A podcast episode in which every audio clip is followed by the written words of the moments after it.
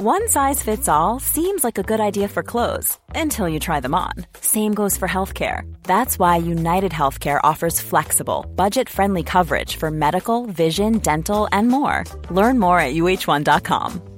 Hey, it's Ryan Reynolds, and I'm here with Keith, co star of my upcoming film, If, only in theaters, May 17th. Do you want to tell people the big news? All right, I'll do. Sign up now and you'll get unlimited for $15 a month in six months of Paramount Plus Essential Plan on us. Mintmobile.com slash switch. Upfront payment of $45 equivalent to $15 per month. Unlimited over 40 gigabytes per month. Face lower speeds. Videos at 480p. Active Mint customers by 531.24 get six months of Paramount Plus Essential Plan. Auto renews after six months. Offer ends May 31st, 2024. Separate Paramount Plus registration required. Terms and conditions apply if rated PG. Hiring for your small business? If you're not looking for professionals on LinkedIn, you're looking in the wrong place. That's like looking for your car keys in a fish tank. LinkedIn helps you hire professionals you can't find anywhere else, even those who aren't actively searching for a new job but might be open to the perfect role. In a given month, over 70% of LinkedIn users don't even visit other leading job sites. So start looking in the right place. With LinkedIn, you can hire professionals like a professional. Post your free job on linkedin.com slash people today.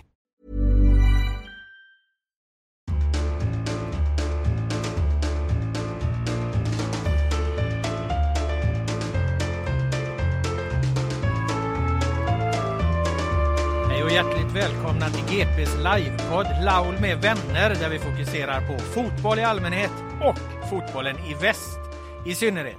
Vi befinner oss på Gamla Ullevi, Tolvans restaurang. Kul att se att så många har tagit sig hit. Idag kommer jag, Robert Laul, leda tre olika panelsamtal tillsammans med mina fotbollsvänner Filip Troler och Joel Besseling. Det kommer handla om svensk damfotboll lokalt och nationellt. Det kommer handla om superettan, våra tre Göteborgslag där och det kommer att handla om herrallsvenskan där vi också har tre lag inklusive ett från Borås. I det här samtalet diskuterar vi allsvenskan i stort och allsvenskan i väst. Vi har en panel bestående av representanter från BK Häcken, IFK Göteborg och IF Elfsborg. Vi ska plocka upp de stora snackisarna inför den allsvenska premiären. Vi ska titta på framgångsfaktorer och vi ska resonera kring allsvenskans konkurrens, konkurrenskraft gentemot våra grannland, grannländer Norge och Danmark.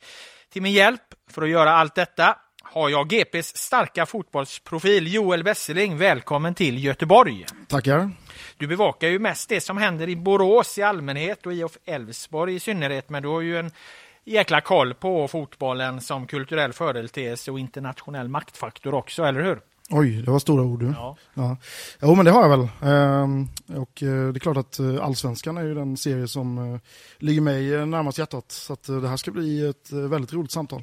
Härligt att höra. Du ska vara välkommen. Jag ska säga välkommen till panelen också, den tre man starka panelen. Jag ska presentera er. Och jag börjar med dig Per-Mattias Högmo. Tre snabba frågor här som en liten uppvärmning. Vilka vinner allsvenskan 2023? Det var ett trekk fra hofta med en gång. Jag hoppas ju virkelig att vi eh, kan värma med uppe oppe sammen med de store favorittene fra Stockholm og, og Malmö. Så eh, Häcken, eller hur? Häcken vinner Ja. allsvenskan. Bra. Vilka vinner Svenska cupen? Ja, det får väl också bli Häcken. Ja. Champions League, Europa League eller Europa Conference League. Vad spelar Häcken i höst? Ehm, man kan jo alltid hoppes på, eh, på full flyt. Ehm, det er mulig med, med alt. Eh, det er svært gode muligheter for Conference League. Så det blir eh, två titlar och Conference League. Då låter som en bra säsong för eh, BK Häcken. Tack så mycket för det Per-Mattias. Eh, över till dig, Emir Bayrami, eh, assisterande tränare IF Elfsborg. Tre snabba frågor. Eh, vilka vinner allsvenskan 2023? Eh, ja, nu finns det två vägar att gå. Antingen lämna över favoritskapet eller säga sig själv, men jag kommer inte säga mig själv så jag säger ingen. Vi får se. Ingen. Någon kommer att vinna, men jag vägrar säga något annat lag. Okej, du vill inte säga något lag. Eh, vilken plats slutar eh, Elfsborg på då? Vi hoppas självklart att vi ska vara med och slåss där uppe igen. Det är det vi har som ambition och det är det vi siktar på. Så eh, slåss med de stora klubbarna. Och till sist, var är Jimmy Thulin? Eh, mycket bra fråga. Du vet inte? Jag har ingen aning faktiskt. Okej, jag är glad att du är här. Ja, tack. Eh, stort välkommen ska du vara. Eh, och välkommen ska jag säga till Alexander Tengryd också, tränare IFK Göteborg. Eh, tre snabba frågor som en uppvärmning till dig också. Vilka vinner Allsvenskan 2023? Eh, Djurgården. Eh, vilken plats slutar IFK Göteborg på? Eh, vi hoppas få en eh, så bra placering som möjligt utifrån eh, de nya förutsättningarna som har skapats. Så att eh, vi får se. Mm. Eh, och tror du att Häcken går till Champions League i år, ja eller nej? Eh, ja. Du tror att Häcken går till Champions League? Ja. Trevligt. Eh, vad tror du om det? Eh, Joel Besseling, här ser vi Häcken i, i Champions League som IFK Göteborgs tränare är inne på. Ja, alltså att ta sig till ett gruppspel i Champions League är ju väldigt svårt, vilket har bevisat sig. Det är bara Malmö FF eh, som har gjort det, visserligen tre gånger då, på, eh, ja, sen Helsingborg gjorde det slutet på, på 90-talet. Så att nej, jag tror väl snarare, jag tror Europa League. Tror jag. Du lägger det mitt emellan Ja. eh, Högmo och Tengryd där då. Eh, trivs Högmo var inne på Europa Conference League och, och, och, och Tengryd på Champions League och du lägger på Europa League. Ja, Då blir det i alla fall Europaspel i, i stan i, i höst då. Bra. Eh, när det kommer då till allsvenskan som vi ska fokusera det här samtalet på eh, så saknas det ju aldrig heta ämnen där. Vi har VAR-frågan som är ständigt omdiskuterad, 51%-regeln, supporternas bortaresor och avsparkstider. Det finns egentligen helt mycket, hur mycket som helst man kan diskutera där. Eh, men jag ska börja med något som jag tror ligger nära panelens vardag, eh, nämligen det utspel som Malmö FFs tränare Henrik Rydström gjorde häromveckan angående om det är rimligt att sätta i system att försöka fuska utan att det märks. Rydström sa, och nu ska jag citera här, att man kan tycka att fotboll är fint och vackert, men det är också en jäkla massa dueller, fight, hålla fast någon, tillskansa sig fördelar, vara på domaren. Jag hade kunnat önska att det inte var så, men gör vi inte det så gör någon annan det. Då får vi kritik för att vi inte vinner. Sen är vi bra på mycket annat på planen, men vi ska vara bra på detta också. Eh, Per-Mattias Högmo, var Tjeckien då ska försöka ta sig ut i Europa. Tycker du att Rydström har rätt här? Kan vi ha den här inställningen? Bör svenska lag vara bra på att fuska? Jag tror jag förstår vad, vad Rydström tänker på, men, men jag är ju inte enig. I mitt huvud så handlar det om att eh, ha fokus på det som utvecklar fotbollen, och det är ett snabbt fotbollsspel, snabba beslutningar, snabba frispark, och, och vara i forkant på hur vi utvecklar själva fotbollsspelet. Och det betyder inte att man är, är naiv på något sätt. Eh, tvärtom, jag, jag tror att det ligger ett, ett försprång i att, att tänka den vägen. Och jag har stor tillit till att domarna alltid gör sitt jobb och att det inte är vår jobb att påverka dem. Eh, det, det tror jag ligger i, eh, i vart fall i min natur att, att tänka och ha den, den tilliten. Så eh, igjen, man, man ska eh, ta för sig. Eh, och man ska vara tuff. Eh, man ska vara mentalt tuff. Eh, och det betyder för mig att man inte lär sig påverka av ting som inte kan gi ge resultater.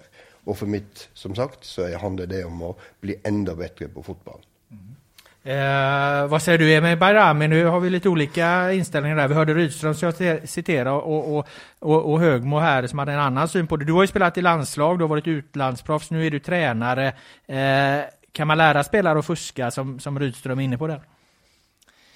Just uttrycket fuska, det låter eh, inte så, så härligt. Men jag är inne på Per-Mattias spår här. Alltså det, eh, det man kan reagera på som tränare är ju att när någon tar bollen, ska kasta inkast och så skickar man det vidare till nästa och så det blir nog liksom tiden ska gå. Det är inte roligt för någon, eh, varken för publik, eh, för underhållningsvärde eller för någon annan för den delen. Eh, sen, sen, finns sen blir det nästan naivt att tro att folk inte kommer sparka ner varandra. Eh, för det, det gör de på alla, alla nivåer, landslag, utomlands, allsvenskan, superettan. Division 4 som jag spelar i nu också, jag sparkar dem, de gör inget annat. Eh, men de gör det överallt, men, men, eh, men där tycker jag att då hamnar vi på, eh, på domarnivå. Där måste domarna vara, det blir någonstans sista kvarten, blir domarna, ja men nu får ni skynda er. Varför kan man inte göra det efter tio minuter eh, i matchen liksom? Och driva spelet så att det går snabbare. Eh, så jag är, jag är inne på Per Mattias spår. Eh, fusk låter, ja, jag vet inte. Ja, det är, ju, det, är ju, fuska. det är ju det han säger indirekt liksom i det här citatet. Jo men om, jag, om jag, vi tappar bollen på mitten och så eh, är vi på väg att åka på en omställning så, kom, så vill jag ju att den ska ta stopp. Alltså det blir lite matchsituationer också. Så det går inte att säga, är det fusk? Jag vet inte. Är det fusk? Och sparka ner någon? Ja, det är ju ett regelbrott. Men, Ja, då får det, man gult men, Men så- det, det som Rydström är inne på, det är ju liksom att, att eh, Eh, att man ska någonstans liksom sätta det här i system så att det inte märks Jaha. och så. Det är, ju- det, det, Ja, det, det- det, är ju- det är ju innebörden i hans resonemang. Okej, ja, då, det kan jag inte uttala mig om. Vi jobbar inte så i alla fall. Eh, vad säger du Alexander Tengry? Du representerar en kamratförening här. Hur långt kan man dra sådana här saker i IFK Göteborg? Ja, men alltså att systematisera det, det tror jag inte dugg på. Men däremot så håller jag med övriga två här om att, att eh, alltså, någon form av cynism eh, uppfattar jag honom att han pratar om och att till exempel om, om du åker på en kontring att du kan bromsa den kontringen och ta en frispark. Och där tror jag vi i Sverige behöver liksom bli bättre på de, de cyniska sakerna eh, för att liksom kunna hantera liksom Europa. Och sen handlar det inte om att sparka benen av folk utan man kan vara mer tuffare i de typen av situationer. Sen när det gäller liksom att fördröja tid och sånt så mm, det finns ju liksom, det finns ju här hemma i Sverige också men alltså inte att sätta det i system. Tror jag inte på. Ja. Vi hade ju en intressant eh, situation nu i landskampen eh, nu med, med Norge nu och Spanien. Hvor Martin Ødegaard definitivt skulle hatt et straffespark, i, eh, og man fikk ikke det. Og man gikk og kritiserte dommeren efteråt. Og da, og da kan man jo si at, at ja, ok, hva, hvor, hvordan løser man en sånn sak?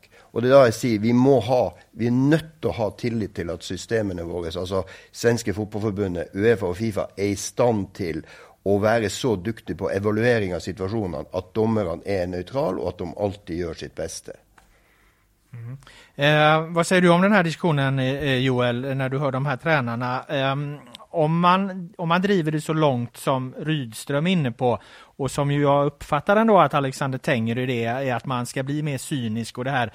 Eh, då pressar man ju någonstans domarna att de också måste eh, bli bättre och pressar man dem för mycket, ja då vet du får vi VAR-diskussionen och VAR är det många som inte vill ha men, men liksom om, man, om, om man sätter det i system så är det väl någonstans där, där man till slut landar om man driver på det här hela tiden och inte accepterar misstag och liknande. Det är möjligt eh, att det är liksom, den frågan driver på det, men någonstans handlar det om, lite som Emir säger, om vad domarna tillåter. Alltså, är det här tillåtet, ja, då kommer folk liksom fortsätta liksom, få fördelar av det. Och jag tycker jag märker eh, på framförallt de spelarna som har varit utomlands, eh, som har kommit tillbaka till allsvenskan, eh, att de har lite mer av det. Eh, och där, ja, Emir säger att det inte finns i, eh, i Elfsborg riktigt. Jag tycker det finns framförallt hos, eh, hos era hemvändare. Att de är bättre på att fram till domaren snabbt eh, eller kanske söka lite frisparkar och sånt. Sånt som är tillåtet, absolut. Men när det gäller VAR då i den här frågan så alltså jag tycker inte att det är tillräckligt argument för att införa VAR på det sättet. Jag tycker fortfarande att det ska vara liksom en, en bedömning för domaren. Mycket svårare bedömning, absolut. Men jag tycker det är inte ska vara ett skäl till att eh, införa VAR. Det finns det andra anledningar till om man nu skulle vilja ha det. Mm, Det kanske inte är ett skäl men det kanske driver på det är jag, är jag, är jag- är jag inne på. Ja, så kan det mycket väl vara. Absolut. Det finns ju alltid olika anledningar till, till det. Jag, jag var liksom förtydligad att utifrån cynism att kunna liksom ta en frispark, ja då, då, då får man en frispark. Det jag anser inte jag är fusk. Utan eh, det är liksom mer att det är det situationen kräver och så vidare. Däremot att systematisera, att lägga sig eh, för att skapa tid och så vidare. Det, den typen av systematik, det tror jag inte på. Men vad tror ni då, ur det som vi var inne på här, att, eh, att om man har det här synsättet och vi måste bli bättre och, och göra de här sakerna, driver man inte på en varuutveckling då? Nödvändigtvis behöver man inte göra det. Liksom att om en viss typ av situation uppstår och att man behöver liksom ta en frispark för att bromsa någonting så tycker jag inte det behöver eh, driva på VAR. Det tycker jag inte. Eh, däremot så det är ju liksom mer situationer kring, kring straffsparkarna och den eh, eh, situationen som hände Ödegård. Den kan ju liksom driva på men, men det är liksom inget regelfel i den saken eller systematiserat utan det är en händelse som uppstår. Domaren missar situationen. Det handlar ju mer om att hjälpa domaren. Jag tycker det är liksom stor skillnad på, på utifrån hur eh, frågan eh, från Henrik liksom har diskuterat så att säga. Det är ju många gråzoner i, i fotboll och eh, jag tror ju också att, att eh, Rydström är inne på exempelvis boxspel och det att ta ut motståndare och så vidare. Alltså den, eh, det som är innanför regelverket här och som man kan gärna liker ikke begrepet kynism, men en, en eh, mental råskap på å vinne din duell. Eh, men det kan man gjøre definitivt uten at man bevisst skal bryta bryte regler. Dessuten, som, som du er inne på, VAR er, har ingenting med gråsone å gjøre. Det er målavgjørelse, det er kort, rødkort, og det er, det er straffe offside. That's it. Mm. Nu ja. Ja. Det, man, man, vet ju inte vad det tar vägen i framtiden. Nej, det kommer... VAR har ju kommit av någonting liksom. Så. Vill du ha VAR, eh, Emir? I fotboll? Svensk fotboll? Alltså, det beror på. Får vi straff eller inte? nej men, nej, men lite, lite så, man blir, man blir ju, eh, när man sitter hemma och kollar på, på, på fotboll och så sker en situation och så ser man det på, i VAR, eh, eller VAR på eller i eller vad det heter. Men, eh, så, det är solklart, men ändå blir beslutet fel. Alltså, då blir man väldigt besviken eh, på att det systemet inte funkar. Men jag har fått höra nu, jag kollar inte på all fotboll men eh, så mycket jag hinner, men tydligen är det England som är boven. Där har de inte fått till det att funka riktigt, men det funkar alldeles utmärkt i Spanien och Italien då. Eh, men eh, jag tror att fotbollen utvecklas hela tiden och, och till slut så kommer, vi, så kommer det att ske tror jag.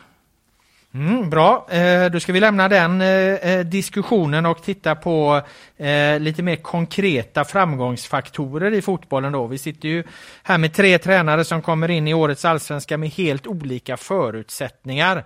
Eh, vi har en klubb som är regerande mästare, snart ska spela cupfinal och i sommar kvala till Europa, alltså Häcken.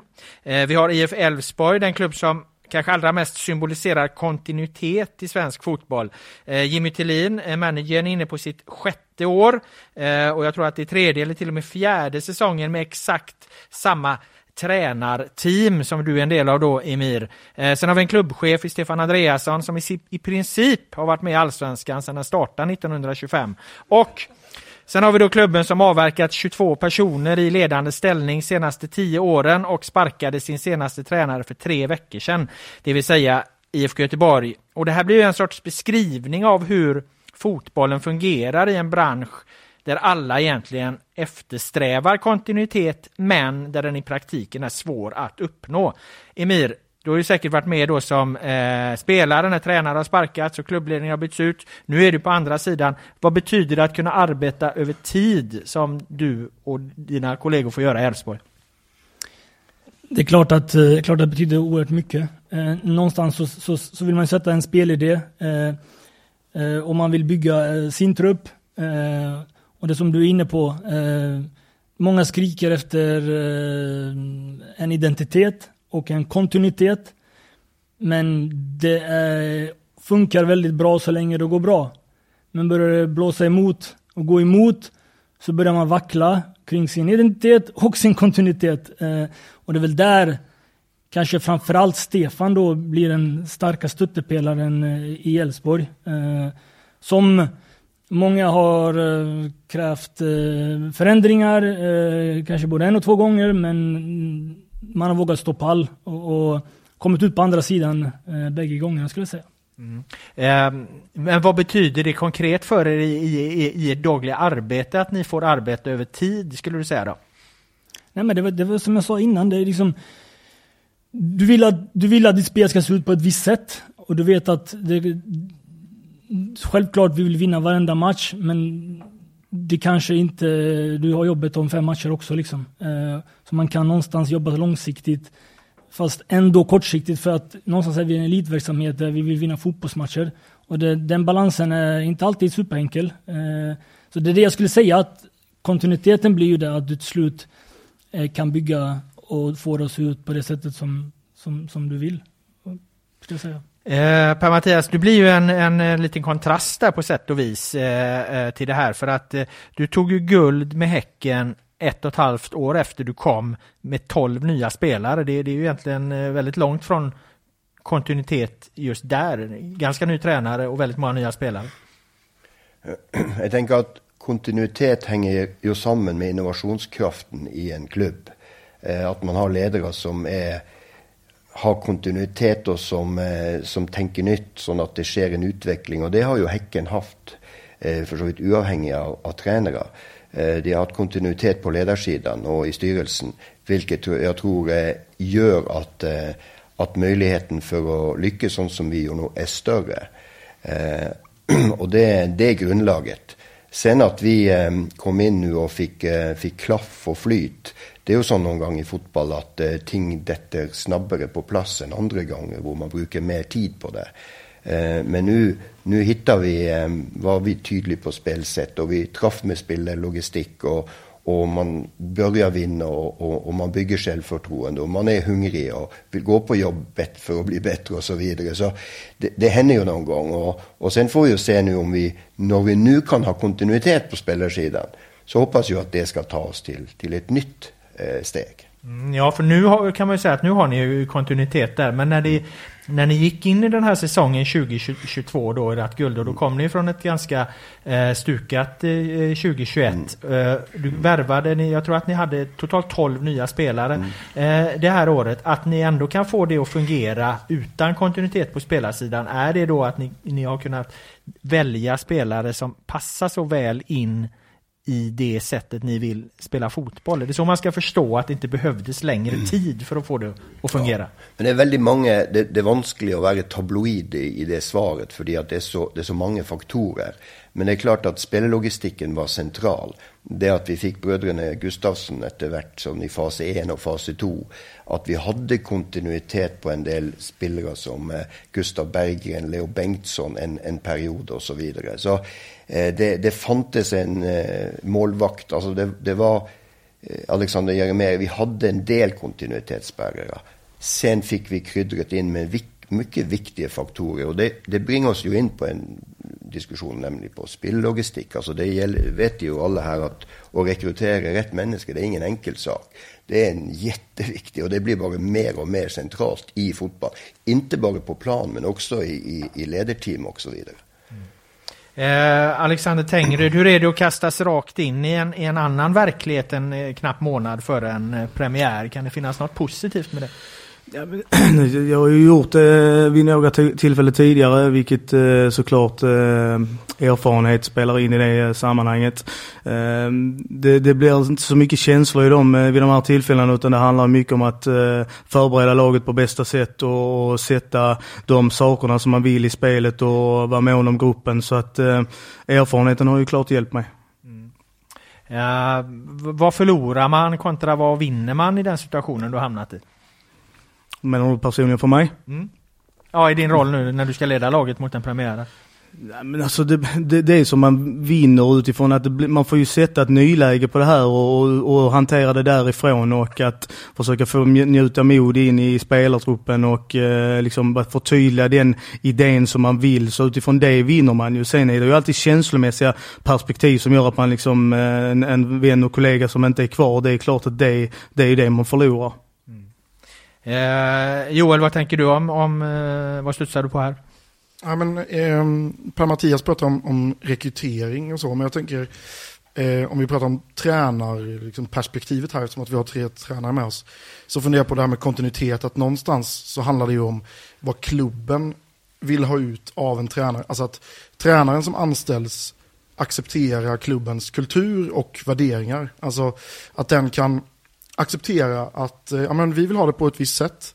Och det känner jag som bevakar Elfsborg, liksom att jag vet att Jimmy Tillin och Stefan Andreasson satt i flera möten innan eh, Tillin anställdes och liksom Stefan Andreasson förklarade att det här är Elfsborg eh, och så här jobbar vi. Vi, har, eh, vi tar upp egna talanger, vi, vi har hemvändare och vi har spets utifrån. Eh, och då är det liksom att, är det då till exempel en hemvändare som är tillgänglig, senast nu då Niklas Hult till exempel, ja men då då är det liksom Thelins jobb att ja, men då ska han in i laget. Om han vill komma hem eh, och, och, bidra så ska han hem. Så att jag tror att eh, de var så pass tidigt överens om vad Elfsborg var för någonting. Det har gjort att Thelin har blivit långvarig också. För att han har förstått vad Elfsborg är för någonting. Och då handlar det väl om att det ska finnas personer på ledande positioner som vet eh, vad den här klubben är för någonting. Vad säger du om den beskrivningen, Emir? Eh, alltså jag ska, jag ska inte gå in, detalj, eh, in i detalj vad de har pratat om och hur det är, men jag känner igen det, det mönstret. Eh, absolut. Och det, det som Joel är inne på någonstans, var, vart, vart finns kontinuiteten? Eh, som sagt, vi vet lite våran bransch, hur den ser ut eh, som tränare. Eh, man vill gärna eh, jobba med process och, och långsiktighet och, och, så vidare, men jag tror det viktigaste kontinuiteten är ju någonstans de ledande positionerna i styrelse, klubb, klubbchef, sportchef, eh, akademichefer. Så här, det här är Elfsborg, det här gör vi, eller vilket annan, vilken annan klubb som helst. Jag tror den vitala kontinuiteten ligger där. Eh, så spelare kommer och går, tränare kommer och går. Men de, de, de positionerna är viktiga. Mm. Fick du en sån eh, programförklaring på något sätt Per Mattias när du tog över Häcken att det här står Häcken för, det här ska Häcken göra och det här vill vi att du, du utför eller har du utformat din, din uh, verklighet själv i Häcken? Jo men jag säger att när man kommer till en klubb så är det tre faktorer. Det ena är klubbens filosofi, strategi. Det andra är din egen filosofi och det är spelmaterialet som du till enhver tid råder över. Vi, det var en eh, väldigt tydlig process i Häcken. De vet vad de vill. De vill spela offensiv fotboll. Eh, och eh, det blev vi snabbt eniga om. Att vi hade ett fälles syn på det. Fälles värdisyn på hur vi ska drifta en fotbollsklubb. Så, så det var, det du visade Joel, det var centralt i, i, i ansättelsen. Sen var det ju så att vi var inte i läge att vi kunde gå rakt in och spela den typen av fotboll. Vi måste rädda oss kvar. Så det blev ju ett år med, med krishantering på olika sätt då, för vi kunde sätta riktningen med klubbens eh, eh måte att spela fotboll på, måten att tänka på, samspelet med fans och samspelet med omgivelsen och så vidare. Eh, när man eh, kommer in i, i det läget du har gjort Alexander, vad har du för mandat eh, i, i verksamheten då? Och vad har du liksom för direktiv eh, att hantera ja, men, den här säsongen? Ja men Williams och, och, mina direktiv det är ju att främst liksom eh, driva eh, A-lagsverksamheten och, och eh, ha den dagliga rutinerna och den dagliga verksamheten och, och förbereda laget för match. Mm. vad, vad har ni för perspektiv framåt på det hela? Eh, nej, men vi, eh, vi vet ju om att vi är interimlösningar eh, och utifrån när klubben väl har fattat sitt beslut så förhåller vi oss till det.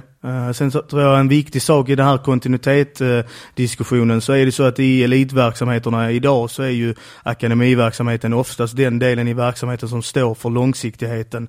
både när det gäller oftast tränare, akademichefer som jag var inne på och det föder ju oftast att oavsett klubb så får ju ofta svenska klubbar fram unga spelare vidare. Och det tror jag är väldigt viktigt att man bibehåller den långsiktigheten i verksamheten. Och sen klart att om de på ledande positioner eh, sitter en längre tid så får man ju ett bättre utfall över tid resultatmässigt. Men akademiverksamheten är extremt viktig eh, när det gäller kontinuitet. Mm. Eh, Allsvenskan är också viktig. Premiären är en, en vecka bort här. Leder du laget till premiären? Eh, vad jag vet eh, just nu så leder jag laget imorgon på träning så får vi förhålla oss till det. Du tar en dag i taget? Helt rätt. Om det skulle gå väldigt bra för eh, IFK Göteborg under dig i, i Allsvenskan här till sommaren till exempel. Eh, kan man plocka bort dig då bara för att du inte rimtränar eller ser du att det finns en möjlighet att du kan eh, fortsätta hela säsongen? Alltså William och jag, vi är väldigt eh, fokuserade på nästa dag och nästa träning eh, och förhålla oss utifrån det. Och, utifrån min erfarenhet så är det det bästa förhållningssättet att jobba. Mm. Eh, bra, då ska vi... Ja, absolut. Ja, men vi, pratar om, eh, vi pratar om kontinuitet. Det, det, blir nästan som att har vi kontinuitet på de här positionerna så har vi löst allting. Det blir nästan som det är hemligheterna. Men det, är, det finns ju också det finns ju övervägande fördelar men det gäller hela tiden också att vara nyfiken eh, och, och, utveckla sin, sin förening utifrån kontinuiteten då. Så det inte blir att ah, där står han vid kaffeautomaten kvart i elva och, och det funkar, det är bra, härligt. Men kan vi, det funkar, men kan vi göra det bättre också? Det är, ju, det är en viktig parameter i, i samband med kontinuitet också. Att man måste lägga på något nytt eh, varje ja, år? Ja, men hur, kan, hur skruva upp vår verksamhet lite hela tiden? Per-Mattias, eh, du var ju ryktenas man här i, i, i, våras, eh, eller under den här våren helt eh, enkelt, jagad av eh, FC Mittjylland. Nu har du gått ut och sagt att du, du kör vidare i Häcken, inget snack om det. Vad, vad lärde du dig av hela den karusellen?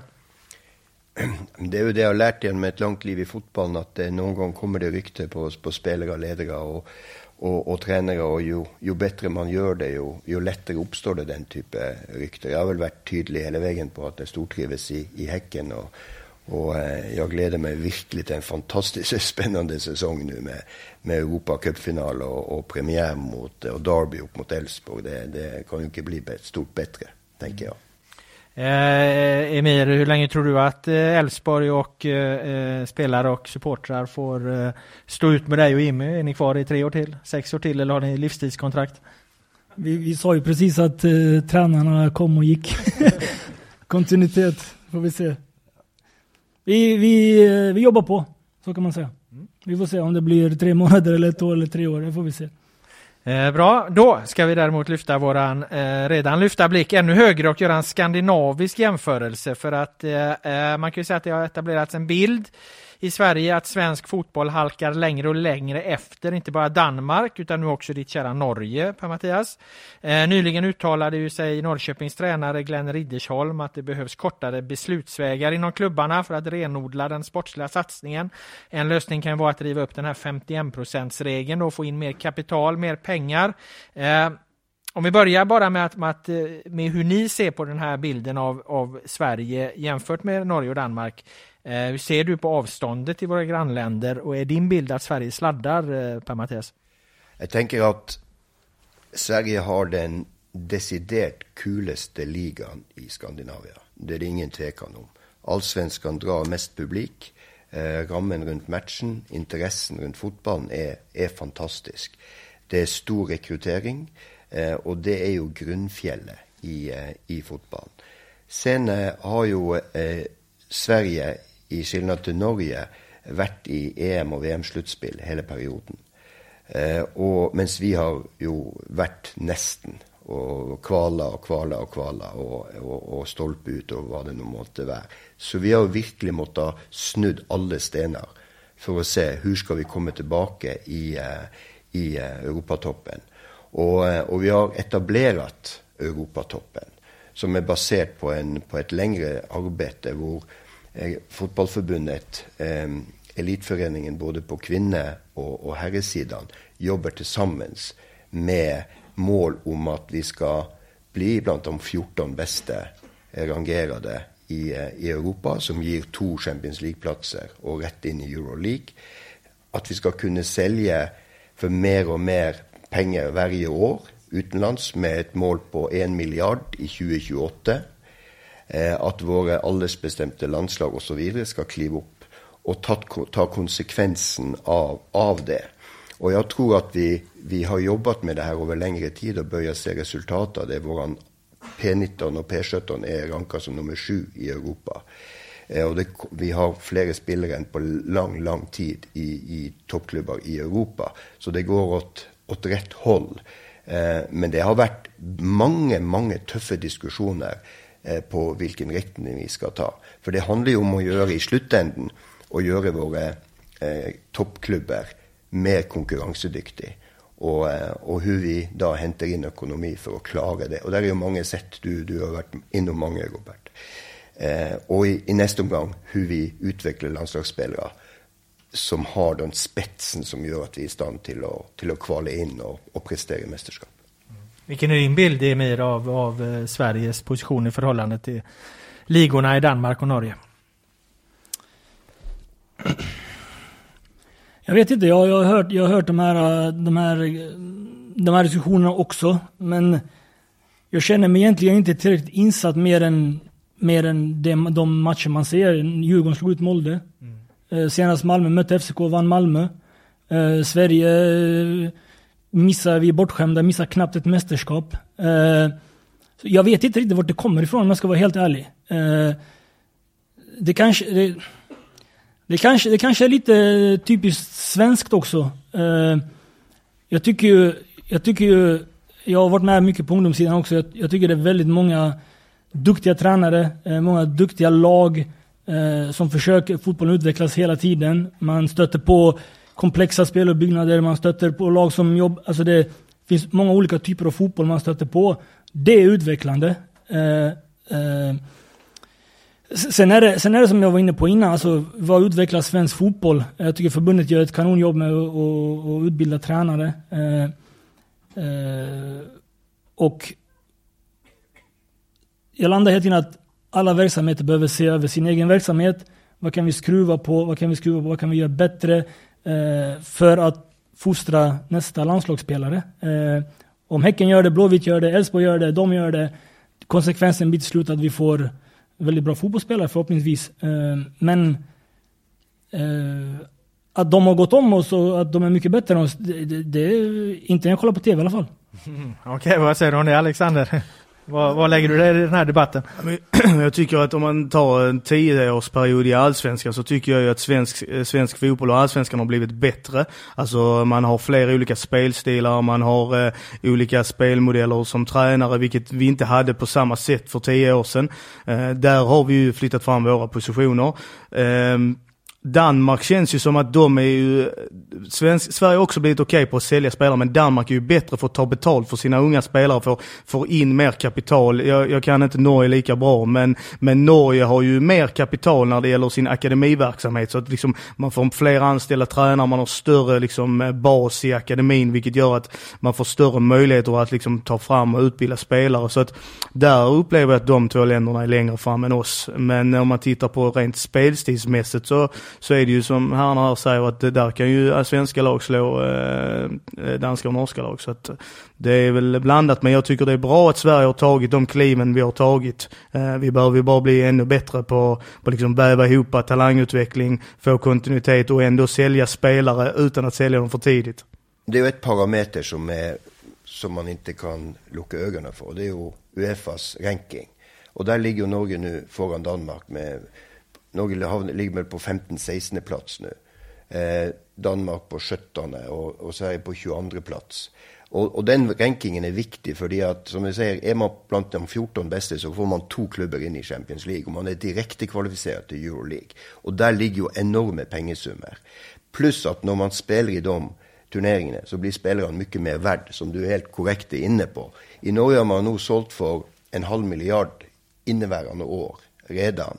Eh, och, och, jag tror ju att ett mål för svensk klubb Nu har ju Malmö varit ett föregångslag, sålt för relativt stora summor. Djurgården och Bosse har ju inte varit så väldigt motiverat, men nu säger till och med Bosse att ja, låt satsa på Europa, för de ser vilka enorma möjligheter det gör. Och det är klart att om vi kan sälja från Sverige direkt till Premier League, eh, eller till topp 5, istället för att vi ska sälja till Holland, Alltså istället för 20 miljoner till Holland, istället för 70 miljoner direkt, så driver vi alltså och fore holländsk fotboll med miljoner. Det kan ju inte ett land som Sverige vara bekänt av. Så vi måste ju upp och få konkurrenskraft så att vi kan behålla och sälja direkt. Och då ligger vägen, eh, för det ligger genom Europa. Och då kommer man ju dit som man börjar komma i Norge. När Molde betalar, betalar 20 miljoner till Sogndal i Superettan för en spelare, att vi, då får vi ju att hela vi smör hela det svenska systemet. Att vi toppklubbarna i Sverige betalar till superettan och, och, och, och första divisionsklubbarna, så blir det mycket mer ekonomi in i svensk fotboll. Eh, vad, vilken är din bild av det här, eh, Joel? Ja, men, jag tycker det är intressant, eh, för i och med att det är eh, någonstans så handlar det om att vi är ett unikt fotbollsland med vår 51%-regel.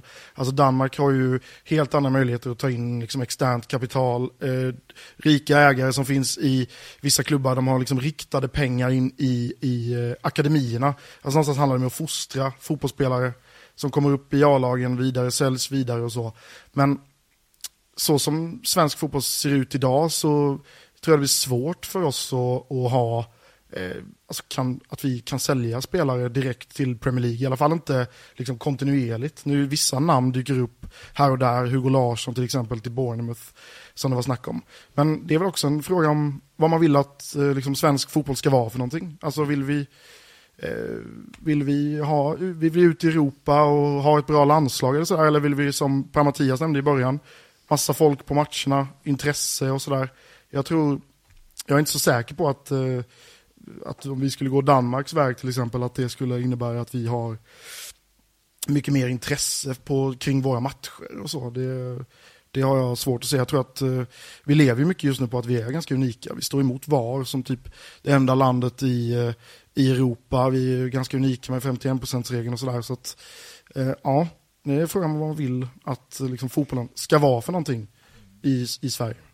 Ehm, förlorar man någonting om man driver det här för långt som du är inne på Per Mattias, att man ska till varje pris sälja spelare direkt till, eh, till Premier League exempelvis? Går det att göra på ett eh, sätt utan att man tappar no no någonting annat? För att i Norge upplever jag det som att det blir väldigt mycket det blir väldigt mycket sälja spelare-projekt av klubbarna liksom. Ja, jag tycker man har varit lite för, alltså det har varit för mycket fokus på att sälja spelare. Och det är det ingen som är, är tjänt med. Och det kan man ju ta lärdom av från historisk fra handel. Altså vem handlar man? Handlar man med, med, med Europa eller handler man med England? Eller vem handlar man med? Det handlar jo om att bygga nätverk och kontakter i, i stor grad också.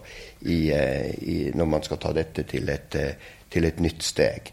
Eh, sen tycker jag det perspektivet du bringer upp är jo en existentiell fråga. Når vi, eh, hur vi lever och hur, hur vi vill ha det, det lokala, regionala kontra det, det globala.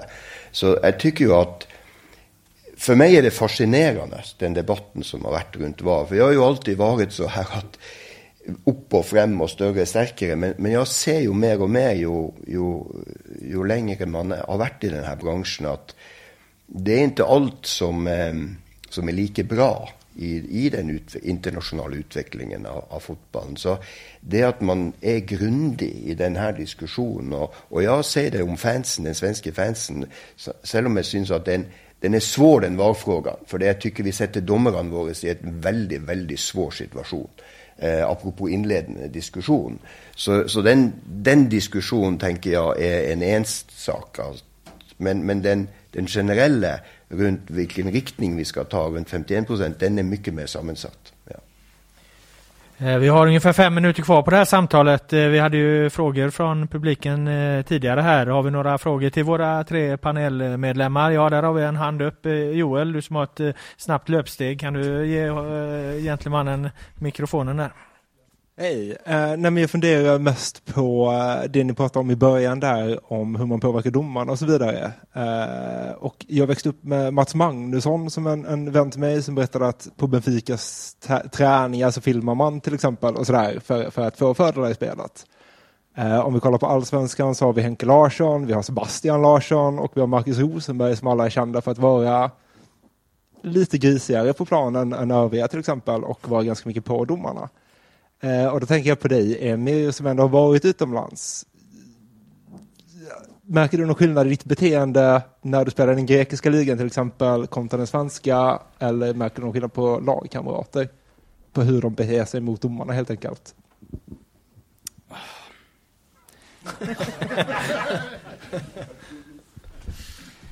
Nej men alltså det, hur de beter sig, alltså det, jag spelar med en som heter Anders Svensson. Uh, ja, han var ganska duktig på det. Och, och, jag menar, det är väl som du är inne på, det var eh, Rosenberg och Sebastian Larsson, de här. Det, det gäller någonstans, det gäller någonstans och, och, och, och, inte förminska sig heller i de här, i de här lägena. Så det, det gäller att det gäller liksom att inte bli no, något offer. Alltså, att man finns där, vi finns här, vi, vi, vi är Elfsborg eller vi är vilka vi nu är. Eh, och ofta så är de här eh, lite mer rutinerade spelarna som varit med i gamet länge, eh, som, som är på domarna och vet att till slut så, så funkar det ju. I Holland märkte jag inte så mycket av det, men mer än någon annan liga. I Grekland ska vi inte prata om för det, ja, vi, jag ska inte gå in på hur den ligan funkar, men vi fick inte så mycket fördelar där. de åren jag var där och I Frankrike, så, eh, när jag var där, så det var ju eh, så nära Premier League du kan komma. Eh, det, det small på ordentligt från alla håll och kanter. Så det var, det var en helt annan acceptans på planen. Och det var kanske inte lika mycket på domaren, utan man reste sig och så spelade man vidare. Så det är ganska olika sådär. Om man tar bort PSG då, där grinar alla. Eh, några fler frågor som ni vill passa på? Ja, för jag har där. Orkar du ta en ny lupprunda Joel? Det blir nog kvällens sista så formulera den skarpt. Okej. Okay. Hammarbys chefstränare Martin Cifuentes svarade i dagarna på frågan vilket som är svensk fotbolls största problem. Och hans svar var VAR och pyroteknik. Delar ni den bilden eller inte och i så fall varför? Alexander Tengryd? Uh, Nej, det kan jag inte uppfatta att det är svensk fotbolls största problematik. Uh, jag skulle nog vilja lägga Uh, när man pratar mycket om svensk fotboll generellt sett så, så pratar man inte så mycket om liksom, utbildningsspelet, spelet fotboll. Alltså jag tycker mer det handlar om de frågorna när vi pratar problematik i Sverige. Hur vi har blivit betydligt bättre tekniskt med hjälp av konstgräs och så vidare men vi har enligt mig tappat mer förståelsen för spelet och, och hur man ska agera utifrån vad, vad en lagkamrat och så vidare och hur man jobbar i ett sätt eh, och systematiserat spel. Så jag tänker mer på sådana grejer än, än eh, den frågan du ställde. Emir? Största problemen, pyroteknik ja, och, och, eh, att införa val? Nej men jag, jag, tycker, jag tycker ju att, jag tycker vi, vi är fant- alltså, svenska publiken, arenorna, det är fantastisk stämning. Frågan är egentligen, blir stämningen så mycket bättre med de här eh, rökbengalerna egentligen? Kan man inte bara ha riktigt bra stämning utan rök och eld liksom? Det, det, det har ingenting med stämningen att göra enligt, enligt mitt sätt att se på det. Per Mathias? Jag- Jag tror ju att vi, vi fortfarande både i Norge och Sverige har eh, en del att gå på i utbildningen av spelare. Det är mycket bra, men vi kan ta nya kliv. Vi kan bli mycket mer, det är ju som en skola. Och, och i skolan så börjar man i sjätte klasse och så utbildar man sig hela vägen. Och eh, jag tror att vi kan fortsätta att ha, ha fokus på, på den sidan för att därmed få ända bättre skolerade spelare. Då, då håller du inte med Hammarbys tränare då, uppfattar jag det svaret som? Jag vet inte om jag uppfattar helt, men det var teknik. Ja, eh, frågan var ju ifall eh, eh, Martin Cifuentes, Hammarbys tränare, menar på att svensk fotbolls största problem det är pyrotekniken på läktarna och, Ja, och att, vi, att vi inte har eh, VAR. Ja, inte teknik, det är Ja, pyroteknik. Det är, det är olika saker. Ja, alltså den, den, man, må, man må vara varsam att pyrotekniken inte går för långt. Det är det ingen som är tjänt med. Så den, den tycker man tillsammans kan se om man inte finner en god lösning på. Det, det är gått lite för långt. Det, det är det. Jag ger dig sista ordet eh, Joel, vi har dratt över... Jaha, har vi en ytterligare en fråga? Har vi tid? Ja, ja okej. Japp. Nej, jag funderar mycket på allt det här som ni säger och det är jättespännande, mycket kunskap, fantastiskt. Men jag är, jag är oro för IFK Göteborg faktiskt. Alltså, det är många saker som inte kommer ut kring de här organisation, organisationen, verksamhet, kontinuitet. Så jag, jag, jag skulle gärna att vi skulle utveckla lite mer vad ska hända, vad ska vi göra med IFK Göteborg i framtiden? För att, Nej men jag förstår att eh, man blir orolig när saker och ting sker och eh, när eh, det har kanske varit så som du uttrycker det där, vad var det, 22 personer på en viss eh, typ av 10 år. Och det är klart att det skapar ju eh, en oro och så vidare men alltså det jag kan säga är att jag har varit i många klubbar och när jag kommer till Kamratgården så är det en väldigt professionell miljö med enormt mycket kunskap och eh, den situation som är just nu den försöker vi ju göra på bästa möjliga sätt men av alla de klubbar jag har varit i så, så är det en extremt professionell arbetsmiljö, eh, drivna spelare, bra akademiverksamhet. Eh, så att utifrån det kan jag bara lugna eh, folk som är lite oroliga. Ja, då får vi se om IFK Göteborgsfansen blev lugnare av det. Eh, vi har redan dragit över tiden här. Jag ska ge dig sista ordet ändå, Joel, om du vill eh, sammanfatta det här samtalet. Ska jag sammanfatta samtalet? Ja, eller eh, avsluta det på ett snyggt sätt. Ja, det, det har varit väldigt intressant att höra de här personerna prata om de här viktiga ämnena som ändå berör eh, svensk fotbolls framtid. Eh, Det är ju en, liksom en, en sport och en liksom liga, allsvenskan, som vi alla bryr oss eh, väldigt mycket om och är måna om. Så att jag tycker, ja, jag tycker det har varit bra. Bra, då tackar jag dig eh, Joel eh, och jag tackar panelen. Jag önskar eh, lycka till med årets säsong till er alla tre. Och stort tack för att ni kom hit, för att ni svarade på frågor. Tack så jättemycket alla ni som var här och lyssnade. Tack alla ni som lyssnar via podden. Laul med vänner är tillbaka med nya poddar och samtal snart igen. Ha det bra så länge. Tack så mycket. Och en applåd.